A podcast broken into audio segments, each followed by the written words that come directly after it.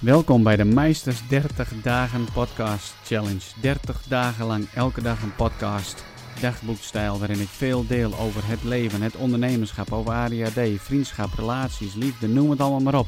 Het komt allemaal voorbij en ik nodig jou uit om met me mee te gaan op reis.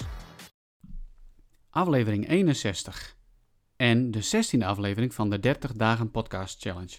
En vandaag heb ik een interview met Henrike Schotman. Henrike Schotman is onderneemster. Zij is een holistische counselor. En haar bedrijf heet De Magische Kracht. En Henrike is een gevoelsmens, levensgenieter, een wereldverbeteraar, enthousiasteling. Ze is hooggevoelig en een echte mensenmens. En we gaan het hebben over wat de effecten kunnen zijn vanuit ons verleden en vanuit een heel diep verleden. We gaan het zelfs nog hebben over haar ervaringen en vorige levens. We gaan het hebben over ik hou van mij en hoe we dat uh, kunnen doen en over energie. Ehm, nu moet ik heel eerlijk bekennen, hier en daar is het niet helemaal goed gegaan met mijn opname. Ik merk dat mijn eigen microfoon die ik had aangesloten het niet helemaal heeft opgepakt en ik ben ontzettend lang bezig geweest om dat weer te herstellen. Dus mijn excuus is dat het niet uh, heel erg kwaliteitvol is, in ieder geval van mijn kant. Dus mijn stem hoor je gewoon heel erg zacht op de achtergrond. Ik heb dat geprobeerd nog te versterken. Um, nou, het is geworden wat het geworden is. Uh, Henrika's stem is gewoon goed te verstaan. En hier en daar hoor je misschien nog wel eventjes wat ruimte uh, zitten. Ja, dat is me dan niet gelukt om alles eruit te halen. En omdat het interview via Skype uh, verliep, ja, ben je ook wel eens afhankelijk, zeg maar, van je wifi, van het internetverbinding. Dus hier en daar ja, kan het misschien wat kraken of net even wat wegvallen. Maar all in all, het is gewoon een gesprek wat uh, goed te volgen is tussen ons tweeën. En ik hoop dat je voor jezelf de pareltjes eruit kunt halen. Meer over Henrike kun je vinden op demagischekracht.nl. Ze is ook te vinden op uh, Facebook onder haar eigen naam Henrike Schotman. Henrike, Henrike Schotman, daarmee ben ik in gesprek. Van uh, de magische kracht had ik even opgeschreven. Dat klopt. En dat triggert mij gelijk weer van de magische kracht. Nu heb ik net een podcast opgenomen voor ons mhm. gesprek. Mm -hmm. En heb ik het onder andere over het tovervee-syndroom.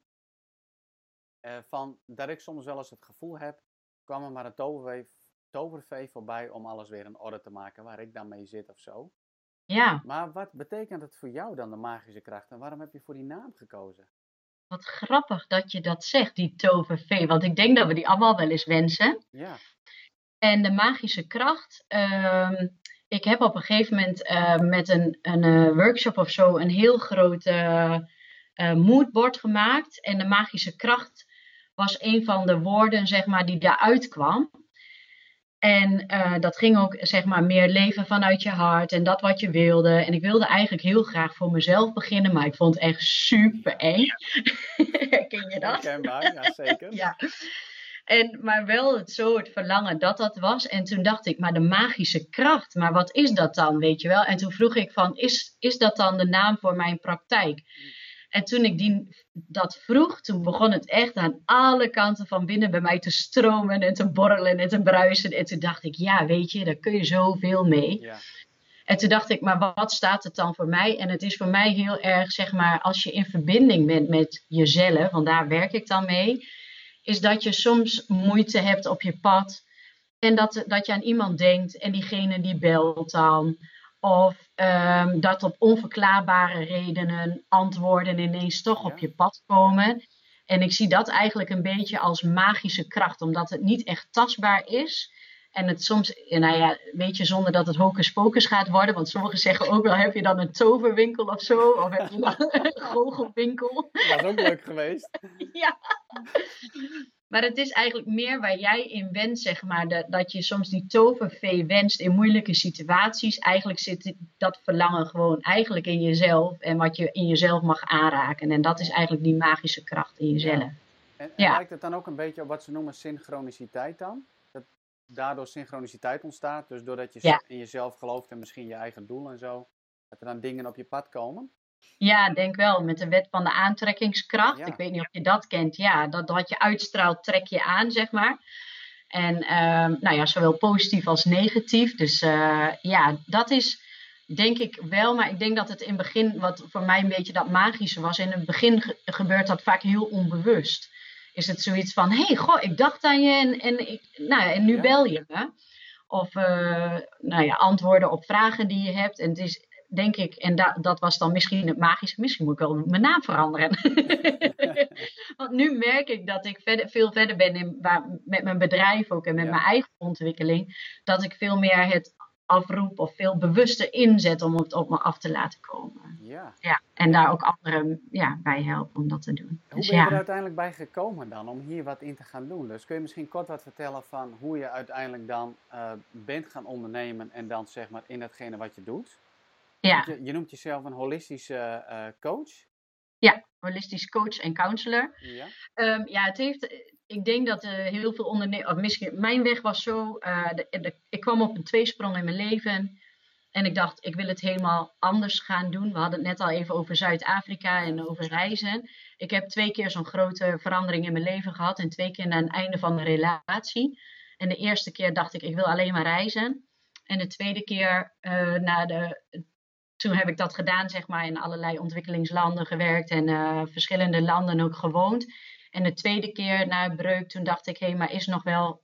Uh, ik had het doel om in een ontwikkelingsland te gaan wonen en daar een project op te zetten. En na de tweede uh, relatie was het, is dat nog wel wat ik wil en wat ik. Ja, is dat nog wel mijn weg in het leven? En um, uh, wat me uiteindelijk kwam ik met iemand die deed tarot card reading, zeg maar. En die vertelde me over mijn hooggevoeligheid en over dat ik anders was dan de gemiddelde mens. En dat ik dus, nou, dat, ik snapte er eigenlijk helemaal niks van. En tegelijkertijd viel alles op zijn plek, want ik heb me altijd anders gevoeld. Hmm. Zeg maar dan, ik snapte nooit uh, zo goed het, of ik snapte het leven wel, maar het moest voor mij altijd diepgang hebben. En hij legde dat heel mooi uit, hoe dat dan was voor andere mensen. Dus hij zei ook, als je daar wat mee wil, dat kan, maar dan moet je wel daarin getraind worden. Ja. Dus dat wou ik heel graag. En uh, toen ben ik verder gaan reizen en toen uh, liep ik op een gegeven moment in Australië tegen een opleiding holistisch counselor aan. En toen dacht ik, nou weet je, ik, ik weet niet precies wat ik wil, maar ik ga dat aan, aan mezelf geven.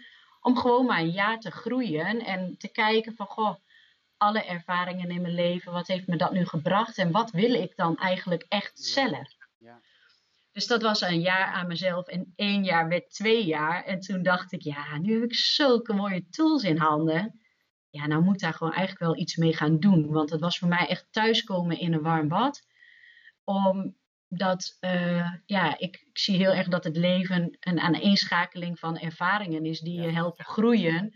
Of die je heel erg blij maken, zeg maar. En nou ja, daarna is het omgeslagen meer ook in de wet van de aantrekkingskracht. Maar dat was eerst nodig om ja, de lessen te leren, zeg maar, uit alle ervaringen uh, die ik had. En um, uh, nou ja, weer een persoonlijke omstandigheid bracht me terug naar Nederland. En eenmaal terug in Nederland dacht ik, weet je, ik zat altijd in de zorg. Als verpleegkundige werkte ik. En ik voelde heel vaak in het ziekenhuis dat er een diepere onderlaag was waarom mensen ziek waren. Um, en dat was ook de laag waar ik eigenlijk mee aan het werk wilde. En ik, voor mij was het altijd belangrijk dat mensen lekkerder in hun vel zaten. Ja, dat klinkt stom, maar dat ze heel netjes gewassen en gestreken in bed lagen, zeg maar. Dus het ging veel meer om het emotionele eromheen. Als dat, dat welzijn oké was, dan was het wel oké. En toen dacht ik, ja, weet je, ik moet daar gewoon iets mee doen. Ik heb, zo, ik kan, ja, ik heb zulke mooie tools in handen. Uh, dus ik moet daar gewoon iets mee gaan doen. En toen dacht ik, kan ik dit dan in loondienst gaan doen? En daar heb ik wel eerst naar gekeken. Maar dat, het voelde ook weer zo anders dan alles waar, waar wat voor gevraagd werd. Dat ik dacht, nee, ik moet dit gewoon echt vanuit mijn eigen praktijk neer gaan zetten. Want dan kan ik ook dat doen waar, wat ik graag wil. Nou, net lekker eigenwijs natuurlijk. En uh, zelf bepalen. Dus uh, ja, zo ben ik de magische kracht begonnen. Ja, precies. En kun je dan ook even kort vertellen wat je dan precies doet? Dus met, met wel, welke mensen werk je? Wat voor vragen of pijn hebben, hebben die mensen die bij jou komen? Ja, dus ik werk zeg maar veel met op persoonlijke stukken. Uh, en dat kan zijn van ik zit niet lekker in mijn vel. Of ik weet dat er meer is. Is dit het nu in het leven? Ik weet eigenlijk dat er meer in me zit. Maar hoe haal ik dat er dan uit?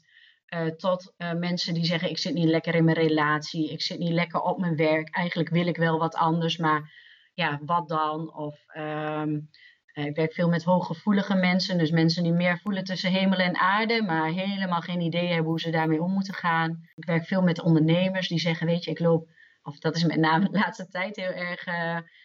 en die lopen dan vast in bepaalde persoonlijke stukken. En dan merk ik doordat ze naar de persoonlijke stukken, zoals zelfvertrouwen of nou, noem maar op, het verantwoordelijkheidsgevoel of ik werk natuurlijk met de hooggevoelige uh, mensen die zich alle bochten willen wringen om het de ander maar naar de zin te maken, maar daar zichzelf vaak op een, een lage pitje zetten.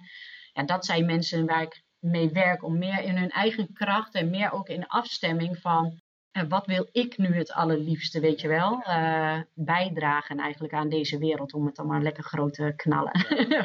Zijn dat eigenlijk de grootste vragen die je dan krijgt over dat de mens echt erg, uh, of heel erg op zoek is naar van, ja, waarvoor ben ik eigenlijk hier op aarde? Dus echt die zingevingsvragen ook. Veel zingevingsvragen, maar eigenlijk komt die voort uit het loopt niet zoals ik wil. En ze lopen vaak tegen een, stuk, een, een pijnstuk aan, waar ze in vastlopen, zeg maar, waar uiteindelijk de zingevingsvraag wel onder zit. Of is dit dan wat het is? Weet je, of in deze relatie van uh, ik pas me altijd zo aan, is dit wel wat ik wil? Ik wil eigenlijk die liefdevolle relatie die ik voel dat er kan zijn. Ja. Dus. Uh, zijn het dan ook zeg maar uh, bepaalde live events die gebeuren in het leven van mensen, dat dat zeg maar een trigger is om ook naar jou toe te gaan, zeg maar? Ja, want je zegt zelf ook, je hebt, je hebt iets meegemaakt en ik las op je website, nou, je had dan een, een scheiding meegemaakt en toen ging je de wereld in. Ja. Dus dan zie je dat een bepaalde live event jou ook zeg maar in beweging brengt uh, en een zoektocht gaat beginnen. Ja. Zie je dat dan ook veel bij, bij mensen die bij je komen? Ja, ja wat, ik al, wat ik al zei inderdaad. Het is dan of niet lekker in je relatie, of inderdaad na een scheiding, of ontslag gekregen, of niet lekker in het werk, of inderdaad van um, goh, uh, nou ja, een ziekteproces doormaken en daarmee weer de werkvloer op willen, maar niet kunnen. En wat dan wel? Of, uh, ja, of inderdaad het gevoel van binnenuit van er zit zoveel meer in me, maar ik durf dat geen gestalte te geven of hoe dan. Hmm. Dus ja, die events. Uh, en ik denk mensen, uh, ze zeggen altijd niets is veranderlijker dan de mens, maar de mens verandert eigenlijk alleen maar vanuit pijn of passie. Ja. Ja. Dus er is ergens een veranderpunt. Kijk, als je. En en wat ik ervaren heb en wat ik ook vaak zie, is dat het eerste punt van verandering de pijn is. Want zo kan het niet langer. En vervolgens voelen ze, en dat merk ik ook bij mezelf, dat ik denk, ja, maar ik heb al zo vaak die verandering. Ik, ik heb vertrouwen dat verandering goed is. Wat wil ik het allerliefst? En dan ga je om meer vanuit die passie, vanuit het vuur van binnen, zeg maar, ga je dan uh, leven. Maar dan is het wel nodig om eerst door die lagen van pijn te kijken voordat je die. Uh, om die passie te kunnen voelen en die verbinding en het vuur te kunnen voelen van binnen. Ja, heel mooi. Ja. Ja, Wat ik ook wel tegenkom, zeg maar, uh, in mijn coaching van ondernemers, is dat het verleden, um, dus de dingen die we hebben meegemaakt in ons leven, maar dan specifiek ook bijvoorbeeld in, uh, in de jeugd van mensen, ja. dus een hele impact uh, hebben. En ja. bij jou las ik ook nog eens een keer ervaringen uit vorige levens. Ja, klopt. Ja, uh, kun je ja. daar eens kort wat over vertellen? Want dat is voor mij gewoon helemaal nieuw terrein, zeg maar. Nieuw terrein, oké, ja. Ja, wat ik in de opleiding op een gegeven moment... Ik heb bijvoorbeeld zelf een hele fijne jeugd gehad. En toch, uh, ach, tuurlijk, in elke jeugd is wel wat. Maar toch liep ik tegen bepaalde zaken aan, zeg maar... die voor mij zelf niet helemaal vloeiend gingen. En en ik kwam eigenlijk nooit voor mezelf, zeg maar, in zaken uit dit leven waar ik tegenaan was gelopen. En dan stapte ik altijd, kwamen de dingen uit vorige levens terug. En dat was heel apart om dat mee te maken. Maar ik geloofde al wel in, re in reïncarnatie, dus die weg was voor mij wel open. Maar als ik bijvoorbeeld met mensen werk, dan, uh, uh, nou ja, ondertussen heb ik een hooggevoeligheid ontwikkeld dat ik weet waar soms, de, of heel vaak weet waar de dingen vandaan komen dus dan ga ik zeg maar met mensen kijken van, want dat, is, dat klopt, het komt heel vaak vanuit je, uh, vanuit je familielijn of vanuit nou, de omgeving waar je komt of nou, noem maar op. En soms dan voel ik al, dan zeg ik van, goh, maar ga, ga eens terug naar, wanneer was het dan de eerste? En dan gaan mensen terug en dan zeg ik, maar is het daar al wel? En dan zeg ik, kun je helemaal teruggaan, maar toen je nog in de baarmoeder zat, weet je wel, dan, dan voelen ze, ja, maar toen had ik het ook al. Ik zeg, oh, maar kun je spoelen dan, maar ben je dan mee daarna aarde gekomen? En dan zegt ze, ja, ja, ja, ik had het al. En dan kan het soms zijn dat inderdaad, want je DNA heeft een, houdt een herinnering vast, of je lichaamcellen houden herinneringen vast, dat je gewoon veel verder terug in de tijd gaat om te kijken, hé, hey, maar, maar waar is dat dan gebeurd? En wat heeft daar dan plaatsgevonden, waardoor je op een gegeven moment een keuze hebt gemaakt? Hé, hey, ik ga bijvoorbeeld nooit weer in mijn kracht staan, want dat heeft me toen mijn leven gekost. Snap je? Of Oké, ja. ik ga mijn wijsheid. Ik, ik hou mezelf maar klein, want ik weet dat ik heel veel wijsheid in me heb. Maar eerdere levens is het nooit veilig geweest. Want ik ben, nou ja, noem maar op. En er komen natuurlijk heel veel heftige verhalen naar, naar boven. eh, wat ze dan mee hebben gemaakt, waardoor ze nu of klein zijn of, of Hoe dat. heb je ze dat zeg maar eh, te herinneren of daarin terug te gaan? Bijvoorbeeld, ik heb wel eens verhalen gehoord van eh, dat het gebeurt onder eh, hypnose bijvoorbeeld. Hè? Dat mensen teruggaan en bepaalde herinneringen hebben dan uit vorige Ja. levens. Hoe, hoe gaat het bij jou? Ja, ik noem het een soort van innerlijk reizen. En het is, het is een soort, ja, het is geen hypnose, maar het is wel een soort van diepe ontspanning, zeg maar, waarin ik ehm, eh, de vraag stel en dan vraag ik, zeg ik tegen hun van, geef mij het eerste antwoord wat in je opkomt. Want dat is vaak, dan gaat je onderbewuste gaat aan de slag. Want wij zijn, ge, zeg, zeg maar, we hebben heel vaak geleerd om ons gevoel aan de kant te zetten, maar dat, dat is wel je eerste input die dan klopt. Snap je wat ik bedoel? Ja. En dan vaak gaat daarna je rationele gedachte, die gaat eroverheen. Ja, nee, maar dat kan je niet zeggen. Dat kan niet, dat klopt niet. En, dit, en dan ga je wenselijke gaan we ons antwoorden. aanpassen. Ja. Ja, precies. Maar als je dus gaat met het allereerste antwoord wat komt en daarop ingaat en dan zegt van hé, hey, gewoon nou. En ik werk dan ook met wat geeft je lijf dan aan van ehm, sommige mensen hebben bijvoorbeeld eh, pijn in hun hart. Nou, hoe ziet je hart er dan uit? Kun je dat voor mij omschrijven? Nou, en dan krijg je dus allemaal beelden en dan gaan we dus met die beelden aan de slag, waardoor ook ervaringen en herinneringen voor die mensen naar boven komen. En daar gaan we dan naar kijken. Ehm, en ik voel zeg maar mee, want ja, dat het klinkt wel gek, maar meestal voel ik, als ik de vraag stel aan de mensen, voel ik het antwoord ook al binnenkomen. Of ja, krijg ik het antwoord door, of, of zie ik bepaalde dingen en ik gebruik dat wel ook als leidraad voor, nou ja, waar het dan naartoe gaat, eh, eh, zeg maar in een sessie wel of niet naartoe gaat. De cliënt wel altijd als eh, de erva- weet je, zij, als zij zeggen van nee, dat, heb ik, dat voel ik niet, dan denk ik oké, dat is prima, dan Ja. laat ik dat los. Snap je? Het is niet mijn Het moet wijze. wel een eigen inzicht eh, zijn, hè, in die zin. Precies. Ja, Ja. ik denk dan van. Kijk, als, als ik terugkijk naar mijn eigen leven, en daar schrijf ik en daar vertel ik ook wel gewoon over in mijn podcast, heeft dat een, best wel een hele grote invloed op mijn leven, zeg maar. Ja, En ehm, ik, omschrijf het altijd het vechten tegen draken, die ik eh, vanuit zeker mijn, mijn verleden heb meegedragen. En dan denk ik van, dat ervaar ik dan af en toe alles veel. Als je dan ook Ja. nog eens een keer terug moet eh, naar een eventuele vorig leven, jeetje, Ja. wordt het dan niet too much, zeg maar, om dat ook allemaal te gaan verwerken? Tenminste, dat is mijn Ja. gevoel nu. Van, weet je, heb je nog meer erbij om te gaan verwerken? ja, maar misschien is het niet van toepassing, zeg maar. Want als het antwoord voor jou bijvoorbeeld ligt eh, in, dit leven en daar heb ik voldoende aan om eh, vanuit mijn passie te kunnen leven, eh, dan is dat oké. Ja, precies. En ik merk, zeg maar, vroeger merkte ik met mensen, moest je helemaal de, ja, ik noem het maar de drama door, zeg maar, de pijn en, de, en, en de, de emotie door. Ik merk nu veel meer dat we kunnen zeggen, hé, hey, mag, kunnen we dat stukje loslaten vanuit toen? En, want onder die pijn zit ook heel vaak nog een zielsdeel of een deel van de energie, zeg maar, waar, die je toen hebt achtergelaten, maar die, waardoor je je nu niet helemaal compleet voelt. Nee, precies. Oh, ja. Snap je Ja. wat ik bedoel? Ja, nee, ik snap het. En het-. En het gaat eigenlijk om, eh, ik denk dat de wereld lang genoeg in pijn en eh, verdriet heeft geleefd. Maar soms, maar het is wel nodig met z'n allen om naar meer liefde te gaan, om, om die pijn los te laten. En om, zodat alles, ja, ik weet niet of je daarin zit, maar de hele wereld gaat naar een hogere trilling en naar een hogere energie. Ja, zodat we meer vibraties, van zeg uit maar, ons hart Ja, zodat we meer vanuit ons hart kunnen gaan leven en meer vanuit uit ons zijn, zeg maar, vanuit ons, ja, vanuit ons hart en vanuit onze ziel kunnen gaan bijdragen. Maar daarvoor is het wel nodig dat ook de, ja, ik noem maar zo, de oude shit opgeruimd wordt, snap je? ja, nee, oh, dat ik snap het helemaal. Ik bedoel, ik ben heel vaak bezig geweest met oude shit op, eh, op te ruimen. Ja, precies. Ja, En, ehm, ja, maar uiteindelijk heeft die, die oude shit ervoor gezorgd van, weet je, dat, dat ja, bepaalde gedeelten van mijn leven ik niet gewoon tot bloei kom als mens. ja, En, en dat wil ik eigenlijk niet. En ik gun het eigenlijk iedereen, zeg maar, om gewoon echt tot bloei te komen als mens. En dat je je reden van bestaan mag ontdekken en zo ook van betekenis kunt zijn voor de mensen en voor deze wereld. ja, Ehm, ik las, nou, ik denk eergisteren een stukje in een boekje, dat ging dan over even stil zijn. Eh, geschreven door een ene prins, ik ben de naam alweer kwijt. Maar dat, dat ging dan over ehm, dat het universum, de wereld, God, whatever, hoe je dat noemt, Ja. eh, iedere keer bepaalde levenslessen laat terugkomen. mhm. Eh, net zolang dat je het zeg maar oppakt en verwerkt in je leven. Ehm, merk je dat dan ook, zeg maar? Zijn dat ook zaken die je meeneemt eh, in jouw counseling? Om dat te ontdekken van welke levenslessen dat dan zijn, of wat het universum jou probeert duidelijk. Ja, ja.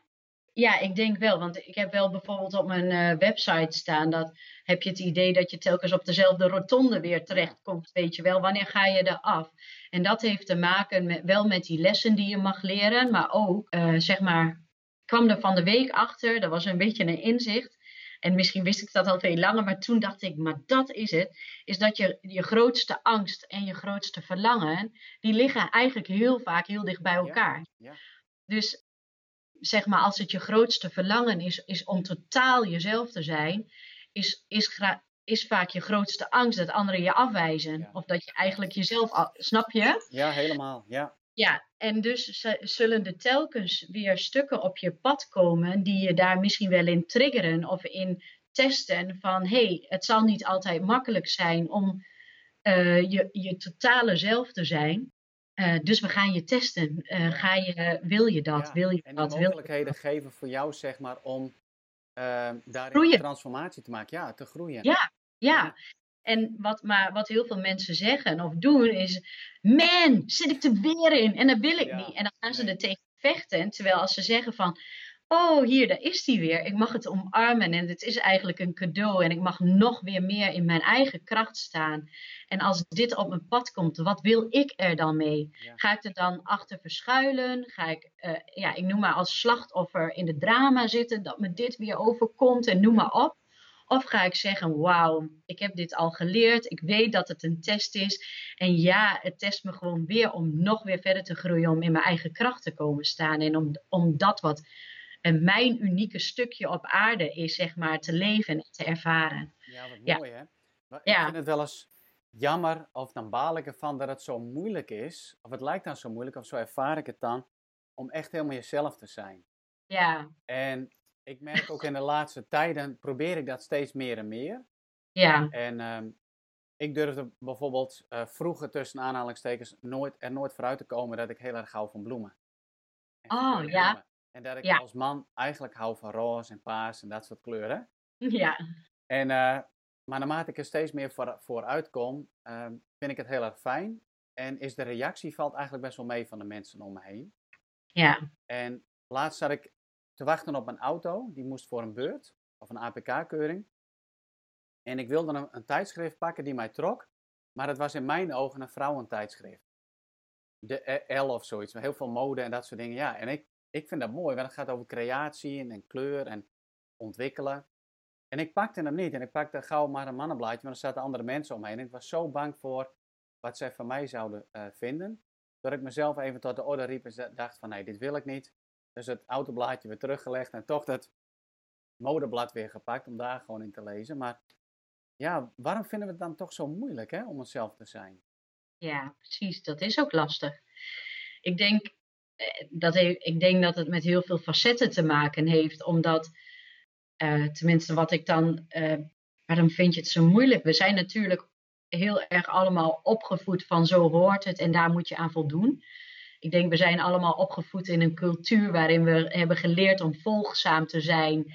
eh, of in een scholingssysteem waarin we meer hebben geleerd om volgzaam te zijn dan, eh, dan, dat, we, dan dat ze zeiden van hé, hey, ga fouten maken en, eh, en, en ga daarin ontdekken. Want juist in je fouten liggen je, leer, le- liggen je leerpunten. Want het, het gaat, nu gaat er zo'n filmpje, dan zag ik toevallig vanmorgen op Facebook rond, met die juffrouw die op een bord schreef. En die schreef de hele tafel van zeven of acht op.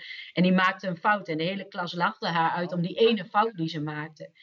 En daarop gaat het natuurlijk. We gaan niet zeggen tegen mensen: hé, hey, wat ben je goed? En dat vind ik goed. En gaaf en noem maar op aan je. Het is veel meer: hé, hey, eh, weet je, dat doe je niet goed. En dan wordt er heel erg gewezen. Dus daarom vinden we, denk ik, zo moeilijk om dat voor onszelf dan toe te geven.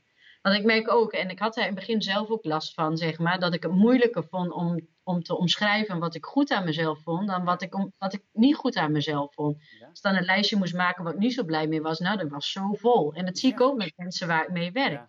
En als je dan zegt, nou, schrijf eens dan positieve dingen over jezelf. Nou, drie, vier, vijf hooguit, weet je. En dat, ik denk dat daarin heel veel zit. Ja. Het zit zeker ook niet in onze Nederlandse cultuur, hè? Nee, Om goed, nee. eh, goede dingen over jezelf te zeggen. Ik merk Ja. het ook wel in mijn coaching en training als ik mensen eens vraag van nou, vertel eens even over jezelf eh, wat je allemaal goed kan. Oh, moet ik dat dan over mezelf vertellen? Ja, Ja, het liefst willen ze dat dat door een ander gebeuren, want door je, voor jezelf is dat niet zo... eh, ja. Maar voor mijn gevoel ligt daar juist ook de oplossing voor, eh, ja, als je het heel groot wil noemen, voor wereldvrede. Want als je de mooie stukken in jezelf gaat zien en veel liever voor jezelf gaat zijn. Ik merk doordat ik veel meer aan mezelf geef, zeg maar, en liever voor mezelf ben, dat ik beter mijn eigen grenzen ook aan kan geven en mezelf meer durf, mezelf meer durf te zijn, maar daardoor ook veel bewuster kies. Hey, eh, nou ben ik er ook volledig voor de ander. En daardoor kun je dan ook veel meer geven. En eh, door mezelf zo de ruimte te gunnen en te denken van wow, het voelt zo fijn om wel dat aan de ander ook te geven, of aan mezelf te geven, zeg maar, om mijn ruimte en mijn leven te nemen, ja, merk ik dat ik mensen aantrek die dat ook heel graag willen. En dan zeg ik, maar jij bent toch ook bedoeld om je licht te laten schijnen? En weet je, jij, ik, en ik voel het gewoon dat sommige mensen die zijn hier gewoon met een reden op aarde gekomen om nou ja, het bewustzijn naar de volgende niveau te helpen. En ik weet dat ik er daar ook een van ben. En, eh, en dan zeg ik, maar je, je weet toch dat dat je gewoon je kracht is en dat je daarvoor je bent? Kom op, weet je? ja En, dat, dat stukje geloof in jezelf en ook geloven in die missie die je dan hebt, hè, waarvoor Ja. je hier bent. En ik Ja, geloof ook wel dat het altijd begint met, en dat neem ik ook wel ve- veel mee in mijn coaching en in mijn podcast heb ik het er eigenlijk heel veel over, Ehm, het houden van jezelf. Ja zeker. En, en dat is iets wat we niet leren. Hè? Het is niet als je eh, op de kleuterschool zit, basisschool, voortgezet onderwijs, dat we het hebben over van jezelf houden. Ja, Ehm, jij hebt er een aparte workshop toch over? Ik hou van mij. ja dat klopt. Ja. vertel eens, ehm, hoe ga je het gaan houden? Want dat is nog wel een uitdaging. Ja, dat is ook zo. En dat is inderdaad telkens weer. Ik werk dus veel met het loslaten van pijnen die niet te langer toe doen. Eh, en daarmee het stuk in jezelf omarmen, zeg maar. Dus we gaan inderdaad bezig met, hey, eh, want als ik opschrijf, als ik vraag aan mensen waar sta je nu en wat is je wens om naartoe te groeien, is het altijd beter, mooier, lichter. Weet je, we zijn allemaal net als bomen en bloemen. We willen allemaal groeien. Dus, ehm, en mensen weten ook waar ze graag naartoe zouden willen. En dus dat is dan waar, ik- waar ik dan na- met ze naar ga kijken. Van hé, hey, wat, wat, als jij nou je mooiste zelf mag omschrijven, wat, wat voor kwaliteiten heb je dan allemaal, weet je wel? En wat houdt je tegen om daar te zijn? En dan, nou ja, ja, en ik werk daarin heel erg vanuit mijn afstemming. Dus de ene keer dan gebeurt er dit. En ik heb altijd een aantal oefeningen, of een aantal oefeningen die die stem ik dan af op de groep en dan, dan mag, het, mag het gewoon ontstaan. Ja. Maar altijd weer voor de verbinding met, met je eigen ziel, met, met wat er voor jou van binnen speelt. Ja. Ehm, en ik denk daarin is iedereen ook uniek, zeg maar. Want ik heb misschien een heel andere missie eh, dan jij hebt, of Ja. dat iemand anders heeft. Dus het gaat juist om de herkenning en de erkenning en de verbinding met wat jij van binnen voelt. En dat dat oké is dat je dat van binnen Ja. voelt. Hey, maar als, Ja. je nou, als je nou één tip zou kunnen geven voor degenen die luisteren en die nu op dit moment zoiets hebben van, weet je, ik vind het eigenlijk best wel moeilijk om mezelf te accepteren van mezelf te houden. Ja. het wel graag willen. Hoe, hoe zouden ze dan dat nou moeten aanpakken? Waar begin je? Waar zou je kunnen beginnen? Ja, je kunt, ik denk, heel klein beginnen door bijvoorbeeld elke dag drie dingen op te schrijven waar je blij van bent van jezelf. Of waar je, wat je, waar je jezelf een schouderklopje mag geven van, god, dat heb ik echt wel goed gedaan. Of dat heb ik echt vanuit liefde gedaan. En eh, wat, wat ook een hele mooie is, is als ik, als ik vraag aan de mensen, goh, kun je eens voelen? En dan hadden we het over die energie, zeg maar, waar we het in het Ja. begin over hadden. Hoeveel geef jij weg aan de ander? Ja. Nou, als ik dat aan mensen vraag van hoeveel is dat dat jij per dag aan de ander geeft? Nou, dan hebben ze zoiets, oh, zoveel, ik geef zoveel weg.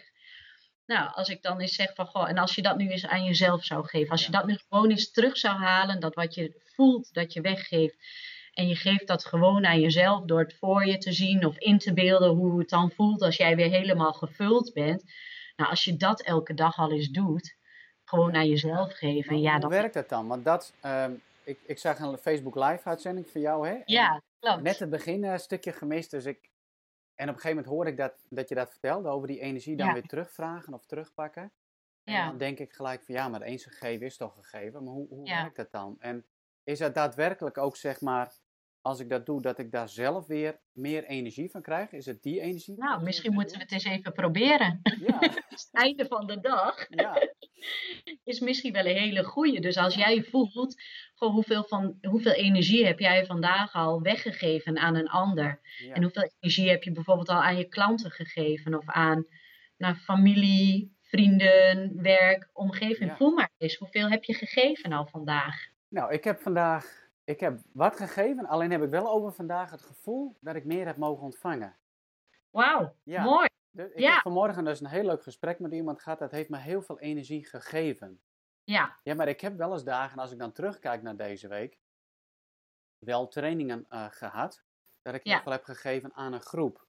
Ja. En dan merk ik dat als ik weer naar huis rijd, dan voel ik me ook letterlijk leeg. Ja. Ja. Hoe zou ik dat dan, dus, zeg maar... Dus stel nou voor, als je dat even in je, voorbeeld hebt. Ja. Als, jij dan eens, als jij dan eens voelt hoeveel je dan hebt gegeven, dan ben je helemaal leeg. En voordat je dan de auto instapt, zeg maar, voordat je daar de, de zaal of de boel afsluit, dat je denkt van oké, ik heb vandaag heel veel gegeven. En die energie, het heeft zijn werk al gedaan. En alles is energie. Als jij dan voelt van, oh, ik mag mezelf weer eens helemaal vullen met al die energie wat ik vandaag heb gegeven. Kan je dat voelen? Ja. ja of kun je dat voor je zien? Ik kan, het wel heel, ik kan het heel goed verbeelden, zeg maar. Ja. Dus dan zie ik het ook wel weer terugkomen. En dan voel ik eventjes van, uh, is het eerlijk om het weer terug te vragen? Of blijft het dan ook wel bij hun? Snap je? Ja. Ja, en dan mag je vertrouwen dat alles energie is. En dat jij in principe, uh, dat zij mogen leren om op hun eigen benen te staan. Ja. En het heeft zijn werk gedaan. Dus jij bent verantwoordelijk voor jouw energie. En zij zijn verantwoordelijk voor hun energie. Dus alles wat jij bijvoorbeeld uh, van hun hebt meegenomen aan, aan zwaarte, aan verdriet, aan noem maar op. Uh, je mag het teruggeven. Ik gooi het altijd het universum in, zeg maar. Dan, hebben zij, dan hoeven ze die zwaarte niet meer, of vragen altijd. Ik werk met engelen en al dat. En lichtmeesters en zo. Dus ik vraag of zij dat dan meenemen en willen helen. Maar het heeft zijn werk al gedaan. Ja, dus waarom. Weet je, en als jij denkt, ik voel me daar schuldig over. Nou, dan zou ik zeggen, vraag aan Moeder Aarde bijvoorbeeld. Of aan de natuur om, om een vulling van energie. Of vraag aan de engelen van vul me met energie. Maar in principe maakt het dus niet uit waar je het vandaan haalt. Want het heeft zijn werk al gedaan. Ja, en het is niet zo dat het daarna op is. Dus het energie blijft altijd gewoon bestaan. Ja. ja. en het werkt zelf zo. Ik werkte uh, pas met uh, uh, een, een, een, meisje of een, dame, een jonge vrouw, zeg maar. En zij voelde zich super verantwoordelijk voor haar familiesysteem, voor haar hele, en met name moeder-dochterrelatie. En, um, en daar gingen we ook, toen zeg ik, maar haal nou eens de energie terug die je altijd geeft aan die relatie, weet je wel. En uh, en wat doe je daar dan mee? En, wat, en als jij dat nu gewoon eens naar je terughaalt. En uh, nou, hebben we ook allerlei werk rondomheen gedaan. En zij woont niet uh, in Nederland, woont ergens in het buitenland.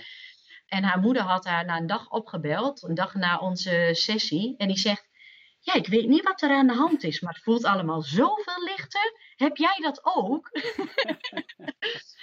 En toen dacht ik, nou, zij zegt, dat was voor mij gewoon zo het bewijs dat door, weet je, met energie te werken en mijn deel bij mij te houden en haar haar deel te geven en dat wat niet meer nodig is weg te nemen, dat is gewoon het levende bewijs dat het gewoon werkt. Ja, dat het gewoon dat werkt, is dus wat energie doet. Ja. En die energie, heeft dat dan weer ook te maken waar je het eerder over had, zeg maar, uh, de wet van aantrekkingskracht, hè, de law of attraction? Ja. Is, is dat dezelfde soort energie waardoor je weer bepaalde zaken kunt aantrekken in je leven? Ja, ik denk als je echt verbonden bent met je hart en met je ziel, zeg maar, met, met echt daar waar jij heel erg blij van wordt, is dat er steeds meer mooie dingen op je pad komen. Ja.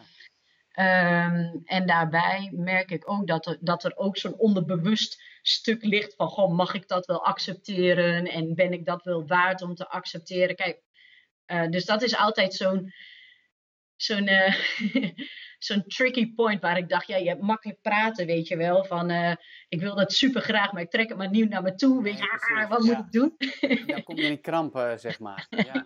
ja, dus daar zit ook wel de balans in tussen, hey, wat is je grootste verlangen en wat is je diepste angst? En als je, als je gaat zeggen, hey, ik ga spelen met die angst, want ik wil dit heel graag op mijn pad uh, trekken, zeg maar, ik wil dit heel graag naar me toe trekken en ik mag dat gewoon spelenderwijs ontvangen, zul jij merken als jij denkt, oh, ik mag dat spelend ontvangen en ik ben super benieuwd hoe dat voelt, gaat anders dan, nou, het gaat mij toch nooit lukken. Nee, precies, omdat je laat verkrampen ja, door de ik geloof angst. Toch Ja, niet, eh, ik geloof toch niet dat ik dat kan. Ja, dat is niet voor mij gelegd en wel voor de ander. Snap je, daar zit een verschil in energie en in, in speelsheid. ja, Dus daar mag je bewust van worden. En wat jij zeg maar uitstraalt en wat jij ervaart en wat jij dan daarin wil voelen. ja. En Ja, ja, dat is wel heel erg eh, mooi. En eh, je, je vertelde ook van dat je ook wel werkt met ondernemers, hè? ja, En merk je dan, zeg maar, eh, als jullie de sessies hebben gedaan, dat er ook wat gebeurt in het bedrijf Echt. van die ondernemer? echt wel. Noem eens een Ja. voorbeeld dan. Wat, wat zou er dan gebeuren? Nou, ik merk gewoon, ik werk dan best met een aantal startende ondernemers of sommigen die zeg maar, ehm, ja, er zijn verschillende dingen wat er dan gebeurt. Eh sommigen die hebben eigenlijk de, de wens om, om vo- volledig voor zichzelf te gaan. Nou, die merken gewoon dat als ze naar zichzelf gaan kijken en ook met hun onderbewust aan de slag gaan en met daar waar ze eh, tegenaan lopen, is dat er in één keer meer klanten op hun pad gaan komen. Of daar waar ze zelf de stappen die ze zelf hebben gezet, dat ze dat soort mensen aantrekken. Of dat, eh, dat ze in één keer, bijvoorbeeld dat, ik bijvoorbeeld met, werkte met een eh onderneemster en zij zegt, en ik voel altijd dat er zoveel meer speelt bij de mensen, maar ik durf dat niet te benoemen.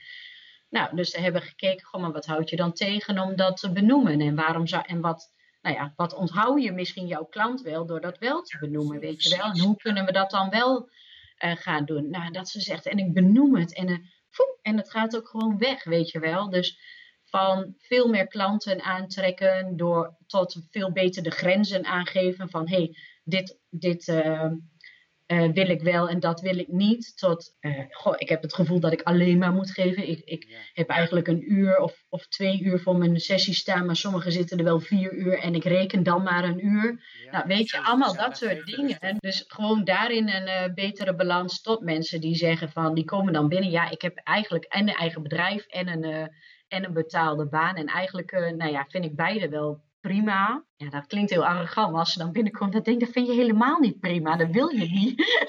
Nee, Want je bent niet ooit voor niks dat bedrijf begonnen, weet je wel.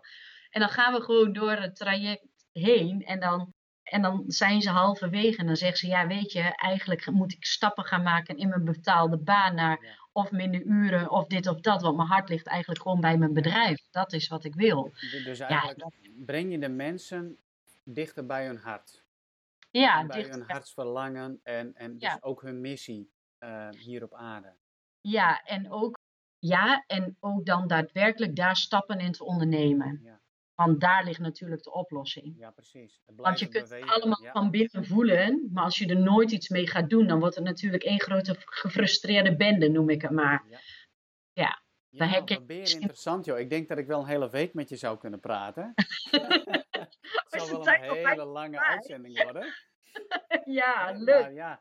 ja, uiteindelijk komt het dus er ook gewoon op neer. Het onszelf accepteren, hè, de dingen verwerken, van onszelf houden. En zodat Ja. we echt vanuit een, zeg maar, een goede gevulde bron van liefde dan ook kunnen geven. En dan geven Ja. we echt eh, niet eens zozeer met het verlangen om terug te ontvangen. Want dan geven Nee. we gewoon omdat we Dat het er is. geven om het terug te ontvangen. Ja, het is er gewoon. Ja, het is er dan gewoon. En dat is dus ook als je eerst aan jezelf geeft, dan heb je zoveel om te geven en dan stroomt het altijd over. En dan is het ook, ik merk dan dat ik dan wel vertrouw dat het gewoon ergens weer terugkomt of zo. Dat is niet dat ik, eh, oh, ik, ik geef dat aan jou, dus ik moet dat van jou terug hebben. Nee. Nee, nee, dat is er dan niet. Nee. Nee. Nee. Nee, hartstikke mooi. Stel je nou eens voor, eh Henrike, dat ik een speciale knop heb op mijn eh, MacBook. En nou ja, die heb ik. En ik kan jou, jouw stem nu in één keer uit laten zenden naar alle mensen in de hele wereld. Ja, Tegelijkertijd. En eh, dat wordt gewoon automatisch vertaald. Wat zou jouw boodschap zijn voor de wereld? wat grappig. Het eerste wat dan in me opkomt is hou van jezelf. Ja, toch wel hè? Ja. Ja. Ja. Ja. Is eigenlijk, eigenlijk is het heel simpel hè? De oplossingen voor heel veel problemen. Maar de uitvoering, Ja, dat is dan weer heel wat anders. Hou van Ja. jezelf. Ja, ik vind het een Ja. hele mooie. Ja. Ja. En eh, weet je wat, ik, wat je vaak merkt is, eh, dat mensen vanuit hun uh, pijn vaak reageren, omdat het verlangen naar de andere kant zo groot is. Ja. Snap je wat ik bedoel? Ja. Dus als de pijn zeg maar, ja, maar die heeft mij dit aangedaan, is, is vaak de erkenning voor je eigen stuk, uh, wat je het allerliefste zou wensen. Dus dat is, ja, en eigenlijk zit het heel vaak in hou ja, houden van jezelf. Ja, daar begint het dan mee. Ja, dat is ook een strijd die ik echt mee heb moeten voeren van terugkijkend op bepaalde dingen in mijn opvoeding. En dat ik heel lang heb geleefd vanuit de slachtofferrol. En de schuld bij mijn ouders neerlegde. Ja, ja. Maar op een gegeven moment, toen ik er met een andere bril naar ging kijken. En ook ging kijken naar wat voor leven hebben hun gehad en naar hun intentie. Toen kon ik ontdekken en voelen dat hun intentie goed was. Ja. En dat er ja. liefde was uh, voor mij. Het is alleen omdat ze zelf ook beschadigd waren door het leven. En door ja. life events. Is het ja, uh, verkeerd uitgekomen. Of ja, weet je, het is niet gegaan zoals ik het graag had willen zien. Ja. Uh, maar ik zou het ook niet willen veranderen. Nee. Terug kan, kon draaien. Ja. En dat is. Dat raakt me, want dat is wat elke keer gebeurt. Als ja. iemand zijn, zijn weg uh, opnieuw mocht bewandelen, als die eenmaal daar dat punt heeft bereikt, dan is dat altijd wat hij weer kiest. Ja. Omdat je dan ook weet dat dat uiteindelijk jou heeft gemaakt tot Ja, wie je nu bent. En daar, ben je. En daar ben je mee blij mee. Wat er dan ook op je pad gebeurt.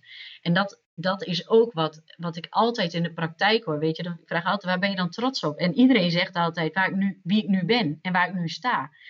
Wat er ook gebeurd is op die weg. En dat is van sommigen, ja, weet je, die krijgen meer eh, shit op hun weg Ja. dan anderen. Dat is gewoon zo. Ja. dat is gewoon zo. Dus dat is, hoe mooi is dat dan? Want dat is natuurlijk ook, en ik denk dat het op het allerdiepste niveau daar ook over gaat. Want dat is op dat zielsniveau, zeg maar, wat ik dan ook voel, is de pijn die bijvoorbeeld jouw ouders of andere ouders hun kinderen hebben aangedaan, is niet, is op een, is eh, vanuit, vanuit hun meeste kunnen van liefde. En op zielsniveau is dat nooit pijn, is dat altijd liefde. Ja.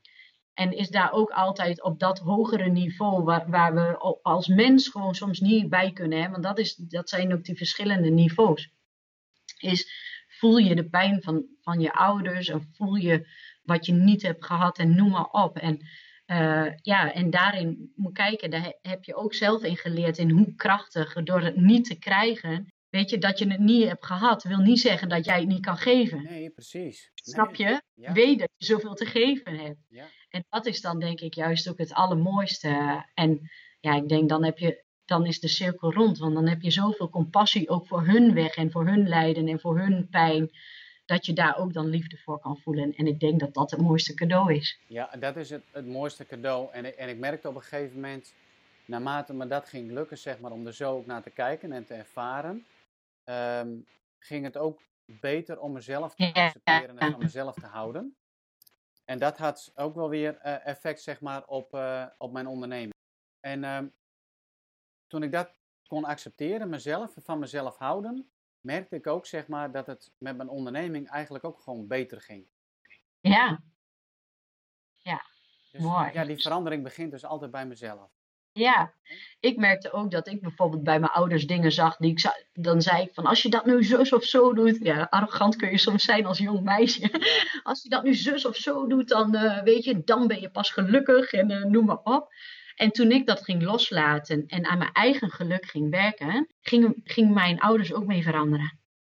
Ja. Pas toen Ja, ik het losliet dat ik het van hun verwachtte. Ja, En ehm, ja, wat, wat ik dan een heel gaaf voorbeeld, mag ik nog een voorbeeld noemen daarvan? ja, doe maar. Mijn moeder is ondertussen eh, met eh, pensioen, maar vlak, zeg maar, nog, ze moest nog zo anderhalf jaar werken. Zij werkte ook in de zorg.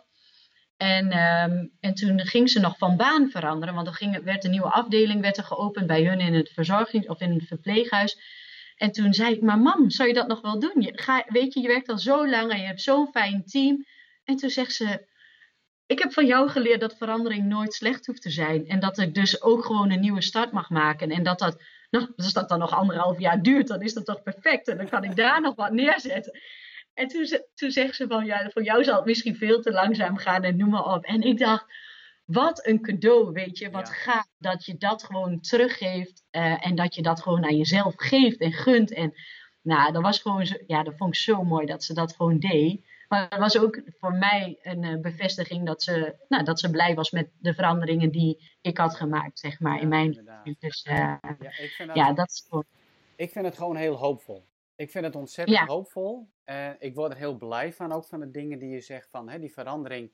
Die begint bij onszelf. We kunnen de wereld veranderen. We kunnen onze onderneming uh, veranderen. Ons bedrijf uh, veranderen. Ons, ons gezin. Alles eigenlijk. Ja. Om hier te beginnen. Ja. Dus dat is een heel hoop, hoopvolle boodschap. En hoe kunnen mensen met jou in contact komen? Nou, ik heb een superleuke website natuurlijk. www.demagischekracht.nl uh, Ik post regelmatig iets op Facebook onder mijn eigen naam, Henrike Schotman. Ja, ze mogen me bellen of mailen. Uh, maar de, die informatie staat wel op mijn op website. Ja, ja, ja daar nou, kunnen ze wel ja. het een en ander vinden. Nou, ja. wil ik je ook hartstikke bedanken voor, voor het gesprek. Ook voor de openheid. En ehm, nou, super tof gewoon dat je dat even wilde doen wat fijn dat je me vroeg en om uit te nodigen. En ook wat fijn dat, ja, hoe het zo mag ontstaan, hè? Ja, nou ja, goed. Als, je, ehm, als ik naar mijn eigen podcast kijk van de afgelopen keren, dan zit er wel een bepaalde opbouw in van, van zogenaamde toevalligheden en onderwerpen die ik dan heb uh, uh, aangereikt waar ik over vertel. Maar dat, dat komt, ook vandaag komt dat gewoon weer heel erg sterk terug. Mooi. Ja, dus dat, dat, dat vind ik zelf wel heel erg leuk. Dus, uh, Mag ik weten wat die onderwerpen of dingen zijn? welke, welke ik allemaal heb besproken? Nou, je zegt, er komen bepaalde opbouw of lijnen of uh, wat dus het, uh, ben ik dan gewoon... Het, het, houden van jezelf. Ja. Uh, het begint, de verandering begint bij jezelf. Ja. als het gaat over het verleden, daar heb ik ook veel over geschreven en over gesproken, hoeveel invloed en impact dat kan hebben. Ja. Dat je dan af en toe ook gewoon een andere bril op moet zetten om te kijken naar uh, in jouw ogen de daders, zeg maar, van jouw pijn. Ja. En dat dat gewoon enorm uh, kan helpen. Want als je in die slachtofferrol blijft zitten, heb ik wel gemerkt, uh, ondanks heel veel hulpverlening die ik in mijn leven, in mijn jongere jaren heb gehad, dat het uiteindelijk niet helpt, omdat je in, toch in een slachtofferrol blijft zitten. Hè? ik keek naar mezelf als zijnde slachtoffer. En um, ja. dan hoeven er maar bepaalde events te gebeuren in je leven en dan stapelt dit zeg maar gewoon weer op. En ja. dan moet je zelf uitbreken. En dat, dat kan soms lastig zijn om dat in je eentje te doen. En ik zeg ook wel eens van een succesvol leven opbouwen, succesvol tussen aanhalingstekens en een succesvolle onderneming opbouwen, dat kun je niet alleen. Hè? We zijn zo gemaakt dat we elkaar gewoon nodig hebben. En laten we mhm. elkaar ook gewoon vinden. Ja. En, en durven kiezen voor die kwetsbaarheid. Ja. Ja. Dus dat zijn Mooi. dingen, ja, die hebben wij volgens mij ook allemaal wel, uh, wel genoemd. Ja. Hè, die zijn er voorbij gekomen. Dus dat is wel heel, heel erg leuk. Ja, en ik denk ook dat een mooie, goede aanvulling is, is dat uh, voor mijn gevoel blijft het leven gewoon ook een ontwikkeling en een ontdekking. En uh, uh, ik merkte op een gegeven moment bij mezelf, te dacht, ja, nou ken ik mezelf, heb mezelf ontdekt. En, en er kwam er weer zo'n stukje bij. Dat ik, nee, het is nog veel groter en nog veel meer. En, en dat, dat is ook wel, vind ik heel erg leuk om dat te ontdekken. En soms hoge dalen en soms wat. Uh, of uh, hoge dalen hoor je? ja, dat kan helemaal niet. Nee, ik hoor hem niet. Ja, nu pas je het zegt.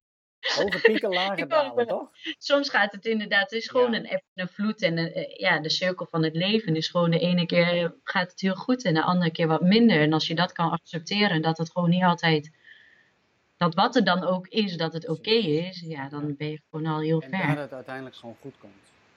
Ja, ja. Daar ook op durven te vertrouwen. Ja. ja. Want ik denk uiteindelijk, en dat is denk ik het mooie van het leven, dat de intrinsieke uh, connectie met jezelf, inderdaad, wat ik net ook zei, als er dan een klant zit, waar ze ook doorheen zijn gegaan, of wie je dan ook spreekt, is uiteindelijk zijn ze blij met de persoon die ze zijn. En waar ze ook staan in hun leven. En dan denk ik, ja, hoe mooi is dat? Dat is toch eigenlijk prachtig? Het is hartstikke mooi. Ja. Heel mooi om uh, mee af te sluiten. Dus uh, ja. heel erg bedankt voor het gesprek. En, Jij ook. nou, misschien moeten we een keer maar nog een, een uh, vervolg op, uh, op doen. Ja, zou ik leuk vinden. Dus heel erg bedankt en tot,